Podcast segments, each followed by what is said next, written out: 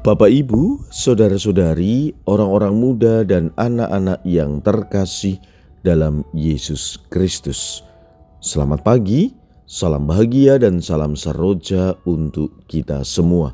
Berkah dalam Bersama dengan saya, Romo Antonius Garbito Pambuaji menyampaikan salam dan berkat Allah yang Maha Kuasa dalam nama Bapa dan Putra dan Roh Kudus. Amin.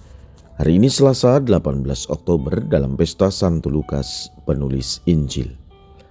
Bacaan pertama dalam liturgi hari ini diambil dari surat kedua Rasul Paulus kepada Timotius bab 4 ayat 10 sampai dengan 17b. Bacaan Injil diambil dari Injil Lukas bab 10 ayat 1 sampai dengan 9. Pada satu hari Tuhan menunjuk 70 murid lalu mengutus mereka berdua-dua mendahuluinya ke setiap kota dan tempat yang hendak dikunjunginya. Katanya kepada mereka, tuayan memang banyak, tetapi sedikitlah pekerjanya. Karena itu mintalah kepada Tuhan yang empunya tuayan supaya ia mengirimkan pekerja-pekerja untuk tuayan itu. Pergilah, camkanlah Aku mengutus kamu seperti anak domba ke tengah serigala.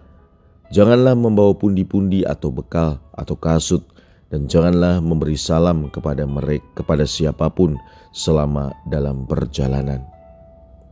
Kalau kamu memasuki suatu rumah, katakanlah lebih dahulu damai sejahtera bagi rumah ini. Dan jika di situ ada orang yang layak menerima damai sejahtera, maka salamu itu akan tinggal padanya. Tetapi jika tidak, salamu itu akan kembali kepadamu. Tinggallah dalam rumah itu, makan dan minumlah apa yang diberikan orang kepadamu, sebab seorang bekerja patut mendapat upahnya. Janganlah berpindah-pindah rumah. Jika kamu masuk ke dalam sebuah kota dan kamu diterima di situ, makanlah apa yang dihidangkan kepadamu, dan sembuhkanlah orang-orang sakit yang ada di situ dan katakanlah kepada mereka, kerajaan Allah sudah dekat padamu. Demikianlah sabda Tuhan. Terpujilah Kristus. Bapak Ibu, hari ini gereja merayakan pesta Santo Lukas, penulis Injil. Kita mengenal Lukas sebagai pribadi yang berprofesi sebagai seorang tabib atau dokter. Ia mencoba merumuskan bagaimana sikap seorang murid Yesus ketika mendapatkan tugas perutusan.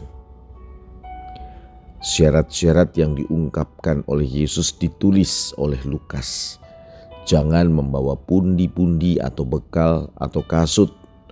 Bila memasuki rumah, katakanlah damai sejahtera jika ada orang yang layak menerima damai sejahtera itu, maka salam itu akan tinggal atasnya.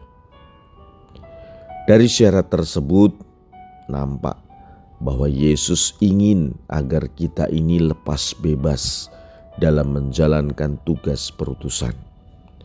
Jangan sampai kita terikat dengan hal-hal duniawi dan dihinggapi kekhawatiran yang berlebihan karena kita dimampukan, kita dilengkapi, dan Yesus sendiri yang akan membantu kita.